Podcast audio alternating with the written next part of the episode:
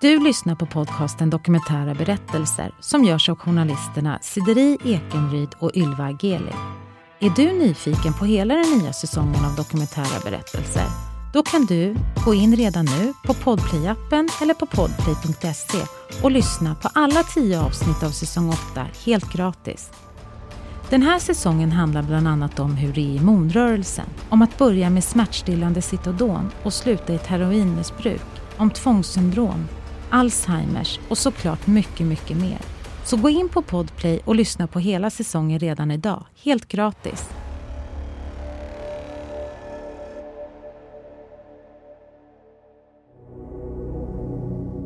Det var precis som att från en dag till en annan så, så, fanns, så var allting en fara eller en risk eller en, ett orosmoment.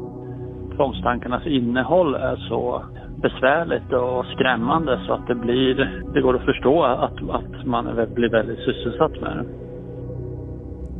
Obsessive compulsive disorder, OCD, eller tvångssyndrom som det också kallas, innebär att man har tvångstankar och tvångshandlingar. Man räknar med att omkring 2% av befolkningen lider av OCD. Sen hade jag även tvångstankar om att hoppa framför tåget. Och den tanken gjorde ju att jag slutade åka tåg ett tag.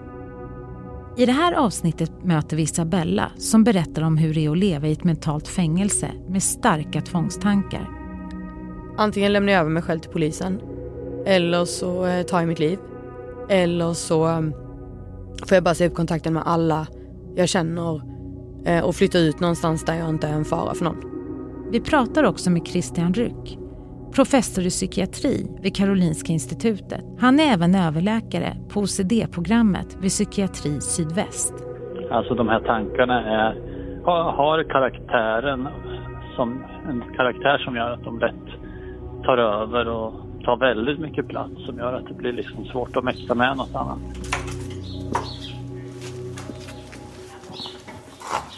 Eh, vi är uppvuxna i en villa eh, med mina föräldrar Isabella är uppvuxen i Kristianstad med tre systrar, en stora syster och två småsystrar. Och vi har alltid haft ett stort intresse av eh, musik och djur skulle jag säga, allihopa. Så vi, hade, vi har alltid haft djur, eh, kaniner, katter, vi har alla hållit på med hästar. Eh, ja, och eh, rest mycket med familjen och ganska vanlig vanlig liksom, barndom skulle jag säga. Hon tävlar i hästhoppning och börjar tidigt i musikklass, precis som sina systrar. Samtidigt har hon nära till ångest, oro och katastroftankar. Och jag kan nu när jag tänker tillbaka på det minnas att jag redan när jag var yngre kanske hade katastroftankar som då tänkte jag att så här tänker väl alla. Eller så här oroar sig väl alla. Men idag eh, inser jag att alla kanske inte drar det till det extrema alltid. Liksom. Eh, så jag tror att jag alltid har haft nära till själva oron. Det är först i samband med coronapandemin som Isabella utvecklar ett tvångssyndrom. Vilket jag tror många gjorde för att det finns ju olika delar i OCD. Eh, vilket jag själv inte visste. Jag visste ingenting om OCD när jag själv fick det. Men en, en vanlig, ett vanligt syndrom inom OCD är att du oroar dig över sjukdomar och smittor.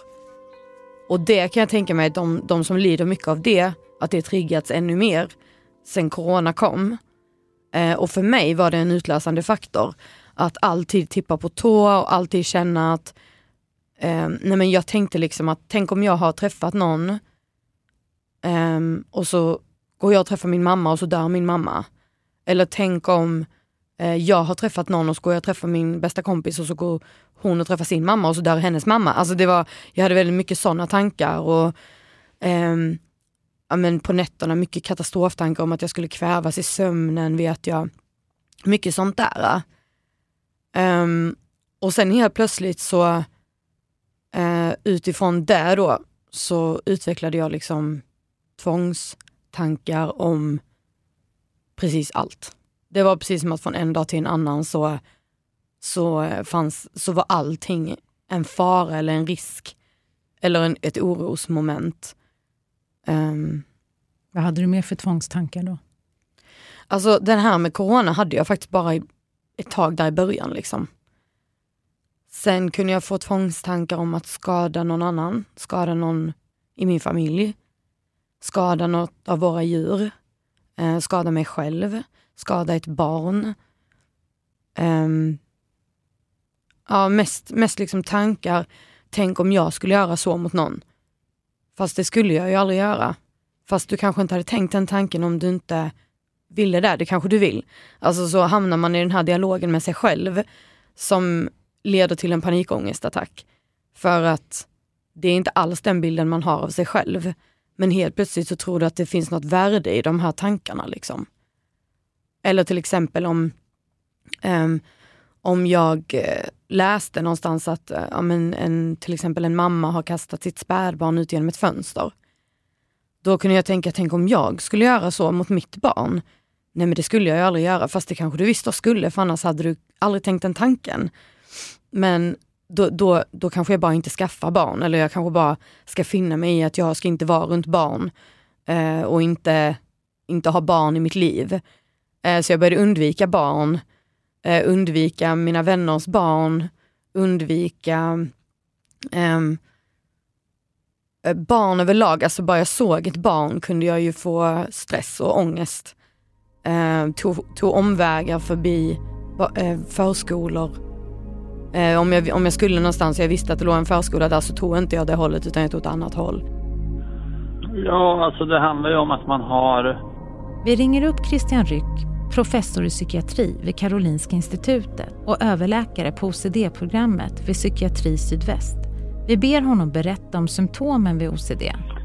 Påträngande, jobbiga tankar som man inte upplever som sina egna, sina egna i bemärkelsen att det är liksom inte så man egentligen tänker. Och det handlar ofta om jobbiga saker, de här tankarna. Så man har liksom inte tvångstankar om världsfred eller evig kärlek eller så, utan det är mer ämnen som är i någon mening lite tabu eller handlar om att man har gjort något fel eller så. Eh, och de tankarna leder till eller nästan kräver så att säga, de tvingar väl fram skulle man kunna säga, eh, då tvångshandlingar. Och en del tvångshandlingar är väldigt där, lätta, uppenbara saker som att tvätta händerna eller kolla låset jättemånga gånger.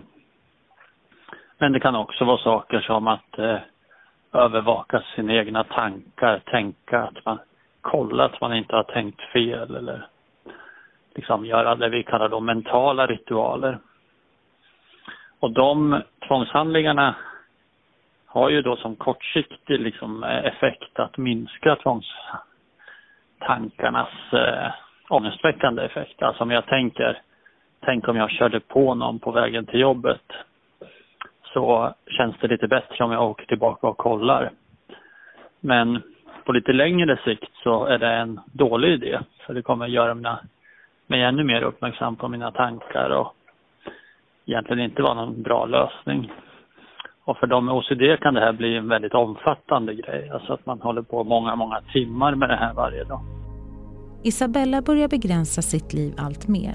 Hon tänker att hon inte kan använda vissa redskap, gå en viss väg eller umgås med vissa personer. Samma sak det här med djur. Um, kunde jag få panikångest till exempel om något av våra djur sov i samma säng som mig. Eh, eller om jag eh, lagade mat och en, en, ett av våra djur kom bredvid mig på golvet. Eh, så den här är ganska klassisk, men många har haft den här, tänk om jag skulle ta den här kniven nu eh, och göra illa någon. Liksom. Eh, men skillnaden på någon som inte har utvecklat OCD är ju att man tänker att nej men gud, vilken sjuk tanke, det skulle jag aldrig göra. Liksom. Men ehm, för mig då som har tvång, så utbildar jag en tvångstanke som leder till en tvångshandling. Som eh, då innebär att jag tror på att jag kanske faktiskt skulle kunna skada någon med den här kniven. Så ett tag använde jag ju inte vassa knivar.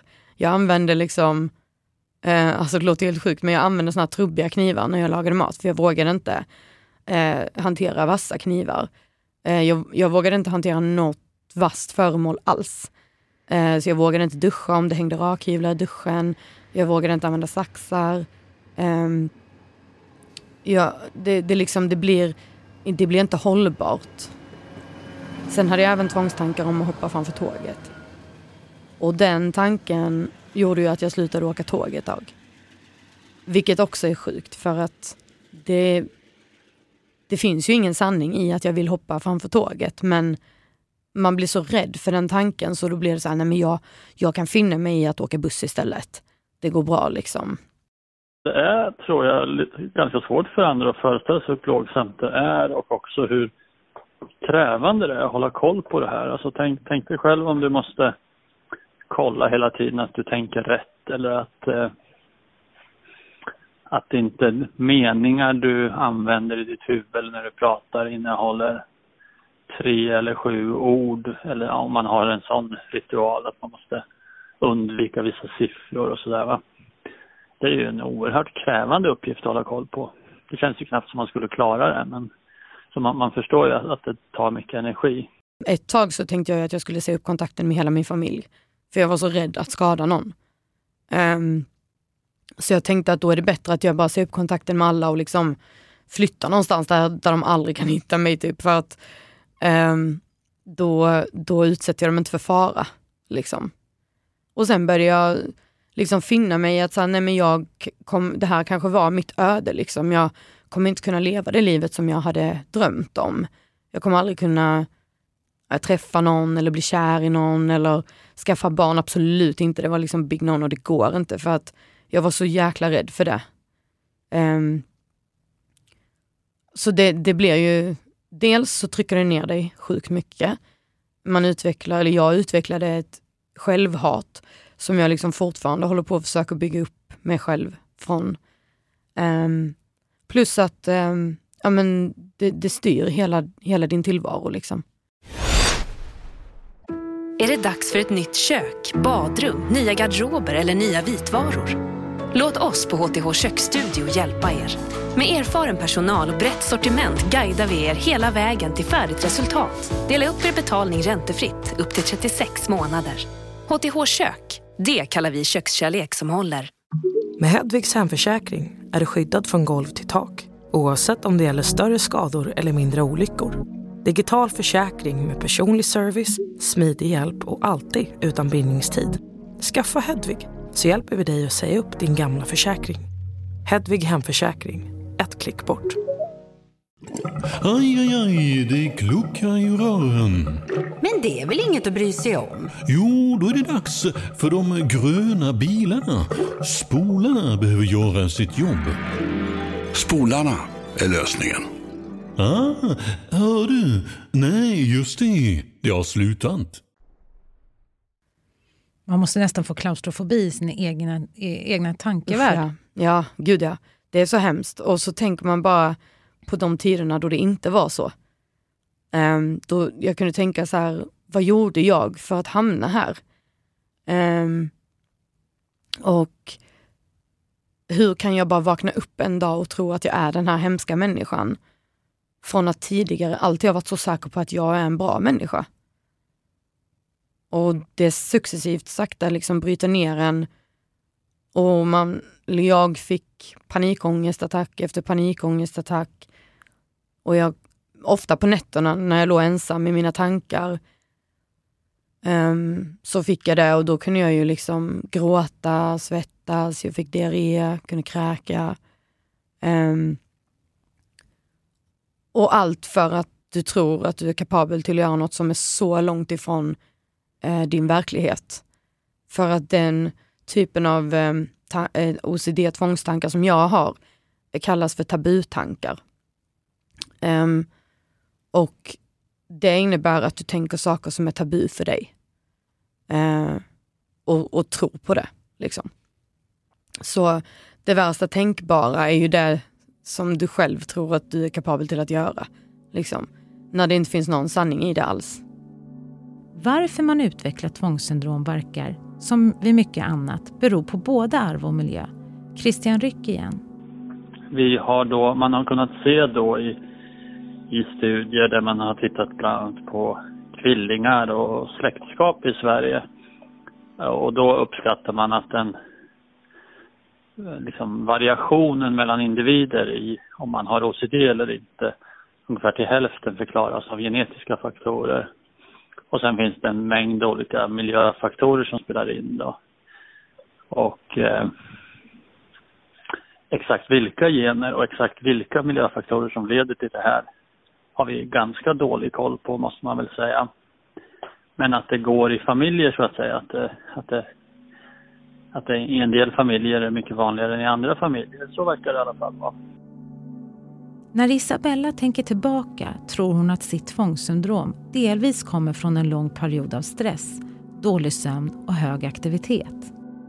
Aldrig riktigt haft den här bromsknappen utan varit väldigt driftig också men aldrig riktigt prioriterat att vila, träna, äta bra, ta hand om mig själv.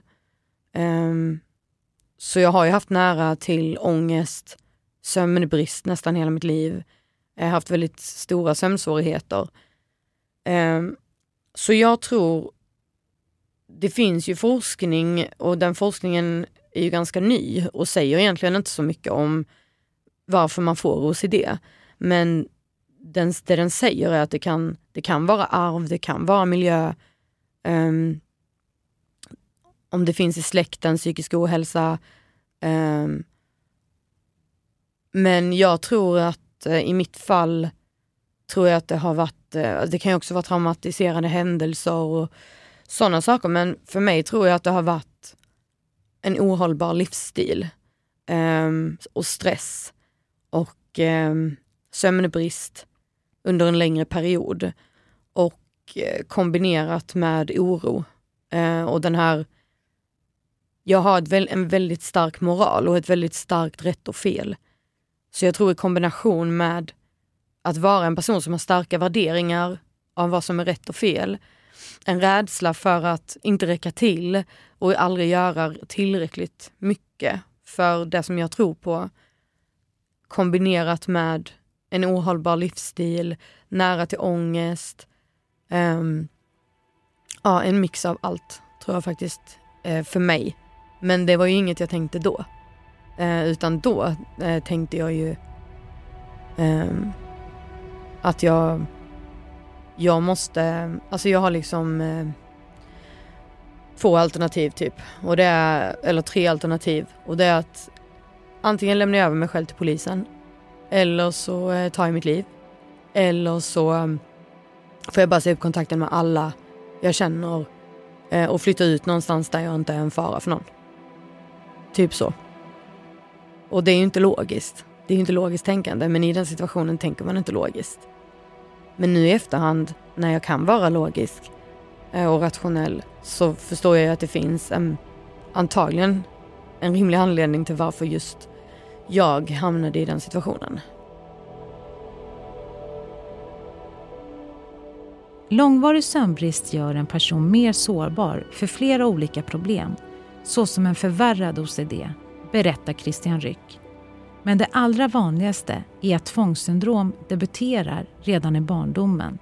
Det finns absolut personer som kommer eh, så söker hjälp eh, när de är vuxna eller medelålders och så. Då utvecklar OCD från ingenstans. Men det är ganska ovanligt faktiskt. De allra flesta har haft det i någon grad i barndomen. Det har liksom smugit sig på allt mer. Eh, debuterar kanske upp till 20-årsåldern och efter det är det mer ovanligt att, att, att det debuterar. Men det är ganska ovanligt att någon kommer in i 60-årsåldern och säger att de har fått OCD precis då. Alltså det, Eh, jag ska inte säga att det inte förekommer alls, men, men det är inte typiskt i alla fall.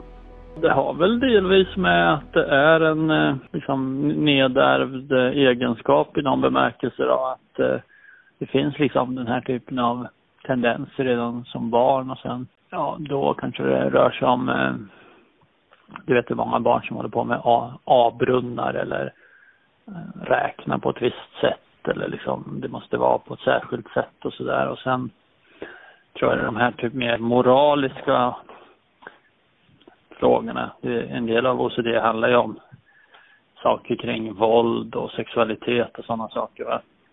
De, de kanske kommer in lite senare. Men, men, men även barn rapporterar ju den här oron att, att liksom genom försummelse råka skada någon. Tänk om jag inte har släckt lampan och hela huset brinner ner och mina syskon dör, då är det mitt fel och så.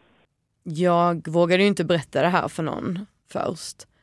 Samtidigt som jag ofta kunde ringa till min mamma eh, och säga att jag mår så dåligt. Um, och hon kunde fråga varför och jag vågade ju inte säga. Jag vågade inte säga nej men jag får tankar ibland om att skada någon. Till exempel dig. Liksom. Det vågar man ju inte. Eh, nej men jag kunde ringa henne i mina panikångestattacker och säga att jag mår riktigt, riktigt dåligt nu. Alltså, nu, nu mår jag dåligt. Eh, och hon har länge varit, eh, liksom, både hon och andra i min familj har eh, tyckt att jag ska söka upp vården och eh, prata med en psykolog och sådär. Um, och det har jag gjort i perioder men inte av den anledningen. Nu var det ju liksom, det var som att hit rock bottom liksom. Isabella söker till slut hjälp. Hon får tid hos en psykolog som förklarar för henne att hon har tvångstankar och att det faktiskt finns hjälp att få. Hon påbörjar terapi men har svårt att ta den till sig och det är först när hon får medicin i kombination med terapin som saker blir bättre. Jag var alldeles för full med ångest och känslor. Eh, det, det gick inte. Tills en dag eh, då det, gick, det, det blev så illa. Jag kunde, inte vara, jag kunde inte vara ute för jag var rädd att jag skulle kasta mig framför en bil eller framför ett tåg eh, eller någonting annat. Jag kunde inte vara inne för att då var jag rädd för sladdar eller knivar, gafflar, vad som helst. Um, jag kunde inte vara med någon för då var jag rädd att jag skulle skada den personen. Så um, jag hittade liksom bara mig själv på en bänk en dag uh, i en panikångestattack typ. Och då kände jag bara, jag vet inte. Jag vet inte längre liksom. Jag tror jag kommer dö idag. Det kändes verkligen så. Och jag vet inte varför det kändes så, men det kändes som att idag kan jag inte ta, jag kan inte ta mer av det här liksom. Um, så då ringde jag vårdcentralen uh, och uh, då sa de du kan få du kan få prata med en läkare om två timmar uh, på videosamtal. Och jag tänkte bara, jag är inte säker på att jag lever om två timmar. Alltså jag tänkte verkligen så. Sen hade jag aldrig några planer på att ta livet av mig heller. Så det är det som är, det är så sjukt liksom. Men jag kände, jag kände liksom att jag vet inte om jag klarar två timmar. Um, men det gjorde jag ju. Um, och fick kontakt med den här läkaren som sa att uh, nu vänder vi det här. Uh, det här kan bara bli bättre. Det finns bra hjälp att få. Uh, kör på med din uh, terapi. Vi skriver remiss för fler uh, samtal. Ehm, jag fick medicin, eh, både sömntabletter och, för jag sov ju ingenting, och um, antidepressiva. Uh, och lite andra kompletterande tabletter också. Um, Vad var det? Ja men det kunde vara så tillfälligt lugnande och uh, ja men lite sådär som jag skulle ta vid behov. Och, och, då började jag samma dag med um, insättningen på medicinerna. Och eh, i början, jag var så jäkla trött så jag somnade och sov en hel helg typ. Um, och sen var det bara att försöka anpassa sig till det nya känslolivet som inte var lika rikt. Men helt plötsligt kunde jag gå till terapin och förstå vad hon faktiskt sa till mig. Eh, jag kunde börja göra jobbet för jag fick liksom en rättvis match emot mina tankar typ. Um, så den medicinen har verkligen räddat mig. Alltså jag, för mig har det funkat så bra, det har varit nödvändigt för mig. Liksom. Just kombinationen medicin och kognitiv beteendeterapi, KBT, vid behandling av OCD är vanligt i Sverige idag. Christian Ryck igen.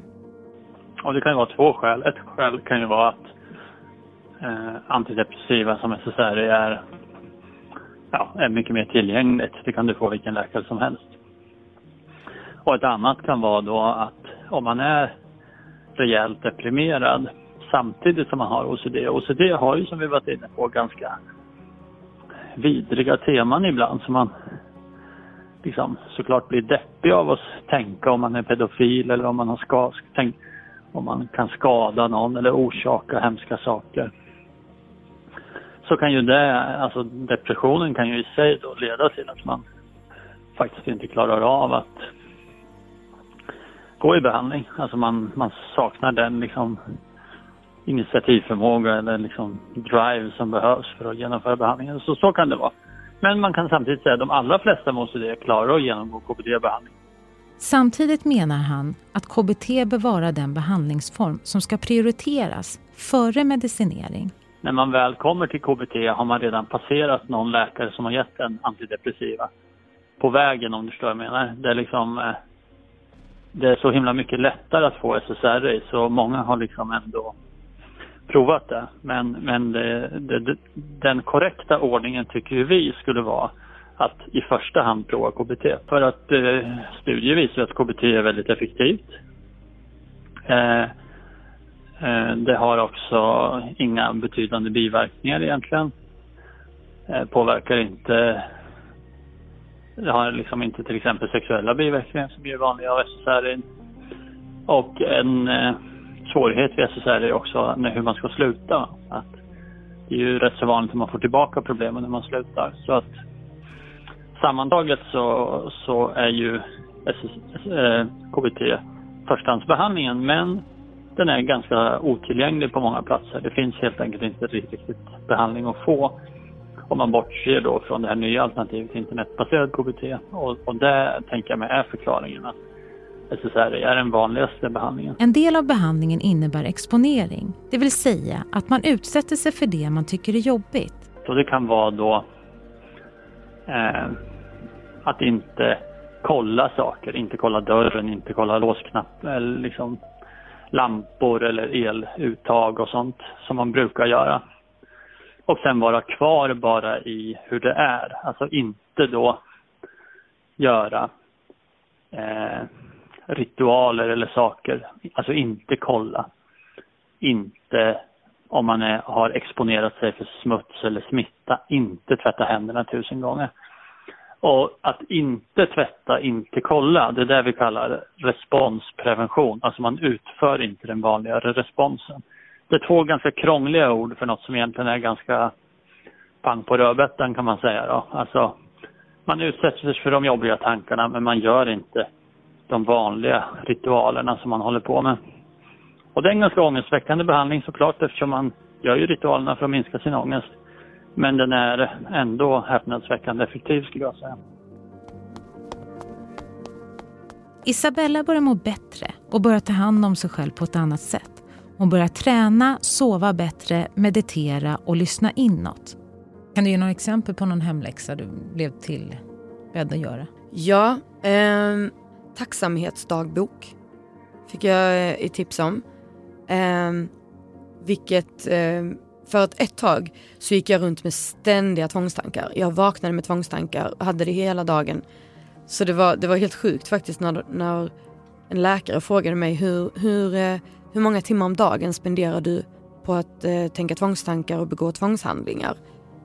Och jag tänkte bara 24 timmar om dygnet. Alltså det är från från att jag vaknar till att jag somnar, om jag somnar. Liksom. Um, och eh, då så pratade jag med min terapeut om det och då sa hon att men, eh, men testa eh, skriva upp, om du inte hittar en, en enda positiv tanke så skriv upp positiva tankar och varje morgon när du vaknar så läs dem för dig själv. Och det kunde ju vara så här eh, Idag kommer bli en bra dag. Jag kommer anta alla utmaningar. Jag är glad och tacksam för det här. Eh, jag ska ge kärlek och ta emot kärlek. Och, ja, men det kunde vara sådana här saker som jag skrev ner. Liksom. Jag, jag fick till och med googla fram det. För att jag hade inget sånt alls i min hjärna. Um, så jag googlade fram några sådana positiva quotes typ. Som jag började läsa för mig själv varje morgon. Uh, och det hjälpte verkligen eh, även tacksamhetsdagbok då. Att under dagen snappa upp grejer som så här, idag är jag tacksam för eh, att jag har poddat med Sidiri, jag är tacksam för eh, ja, men det här eller det här, att solen har skiner, eh, är tacksam för min familj. Sådana saker. Det kunde vara liksom små saker i vardagen som man kanske annars tar för givet men, eh, men man inser att det finns mycket att leva för ändå. Liksom. Sen är det ju det här med tankekedjor man pratar mycket om. Ehm, Egentligen handlar det om att hjärnan gör det som eh, den är van vid. Eh, och är du van vid att tänka på ett en viss sak så har din hjärna väldigt lätt för att ta sig dit. Um, och det, det, tror man inte riktigt i början heller för att när de säger så här, men du måste bryta tankekedjan, du måste bryta tankemönstret. När du hamnar i de här tankarna och diskussionerna med dig själv att ja, men jag kanske verkligen är så här, jag kanske skulle vara kapabel till att faktiskt hugga någon med en kniv. Men sanningen är att det är ju inte sant. Jag skulle, jag skulle aldrig göra det. Jag har aldrig någonsin agerat våld mot någon på något sätt. Um, och jag är superempatisk och mår jättedåligt om jag ens har sagt något konstigt. Så, så sannolikheten att det skulle hända är inte stor. Den är typ lika med noll. Att liksom möta hela tiden med de här rationella, logiska, um, um, ja, men, som kan bryta tankekedjan och sen sätta punkt. Liksom att tänka att det där är inte sant, det är bara en tanke som får mig att må dåligt. Eh, och nu kommer jag välja att inte tänka mer på den tanken. Så, vad kan man då göra om man har liknande besvär som Isabella? Christian Ryck igen. Det finns väldigt bra vård att få i Sverige idag skulle jag säga. Kanske en av de bästa platserna på jorden att ha OCD på faktiskt om man ser till vårdutbudet. Um, har du liksom hanterbara, i någon mening hanterbara besvär så kan du kolla in internetpsykiatri.se för där finns det internetbaserad behandling för OCD. Där kan du anmäla dig själv direkt, du behöver ingen remiss eller så. Eh, man kan också gå till sin vårdcentral. Det är inte säkert att de kan jättemycket om OCD, men de har nog hört talas om det och i vissa fall kan de mycket om OCD. Och i annat fall kan de då hänvisa vidare till psykiatrin skriv upp eh, i alla fall fem stycken antaganden till varför, eller fem stycken anledningar till varför ditt antagande inte stämmer. Eh, om du då tänker att, eh, men tänk om jag skulle våldta en person. Ja, men eh, tänk om du inte skulle göra det? Eller var, varför skulle du inte vilja göra det? Liksom. Argumentera för det istället för att sitta där och bara, jo men det kanske jag skulle kunna göra, tänk om jag skulle kunna göra det. Ja men då är jag, då måste jag, ja men jag ringer polisen. Alltså sådär, istället för att landa i det, att liksom tänka att fast jag skulle aldrig vilja skada någon annan, jag skulle aldrig vilja göra så. Jag, det är helt emot mina värderingar. Liksom argumentera och skriv upp fem argument, för det är svårt att vara i sitt huvud hela tiden. Liksom. Så att skriva ner är bra. Um, Ja, och till exempel om din hjärna ändå försöker få dig dit. Eh, så att liksom fortsätta diskutera med, med dig själv till en viss del, men sätt också punkt. Till exempel som jag kan få en rädsla av att skada min hund till exempel. Eh, och då, då måste jag direkt fånga upp den tanken och identifiera den. Oj, där kom en tvångstanke. Den stämmer ju inte. Den får mig bara må dåligt. Sanningen är att jag älskar min hund och jag skulle aldrig göra henne illa. Och nu kommer inte jag tänka på den tanken som får mig att må dåligt längre. Och sen bryt tankekedjan liksom. Um, och, och gör annorlunda. Till exempel när jag tänk, ibland kan jag tänka om till exempel min syster, kan jag tänka så här, tänk om jag skulle skada henne nu. Liksom. Um, och, och, den tanken blir så verklig så att du får ångest. Um, då, då kunde jag säga till henne, nu tänkte jag att jag skulle skada dig men jag skulle aldrig göra det för jag älskar dig. Eh, och, och krama om henne liksom. Vad gjorde hon tillbaka? Nej, de visste ju om det och de sa ju bara att det är ingen fara. Typ, de bara, vi älskar dig också. så eh, de, de, eh, nej men, de har ju sagt det också eh, till mig. Att eh, tänker du så så säg det högt. Liksom. Så, blir det, så kan vi skratta åt det ihop.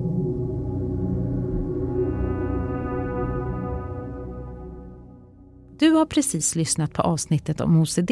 I nästa avsnitt Det var från ena dagen till den eh, andra dagen så var det som det kom ett vitt sken från universum, från absolut ingenstans och dränkte mig i ljus. Vi möter Angel som berättar om sitt andliga uppvaknande, sin mediala förmåga och konsten att läsa tarotkort. Eh, så att använda eh, lekarna blir ju som ett verktyg till att kunna ta sig liksom från det man ser här i den här verkligheten till att connecta med det som man får till sig från andra dimensioner. Och glöm inte att alla avsnitt av säsong 8 finns ute redan nu, helt gratis, på Podplay. Och vill du komma i kontakt med oss som gör den här podden så mejla oss på kunskapsstudion gmail.com. Podplay, en del av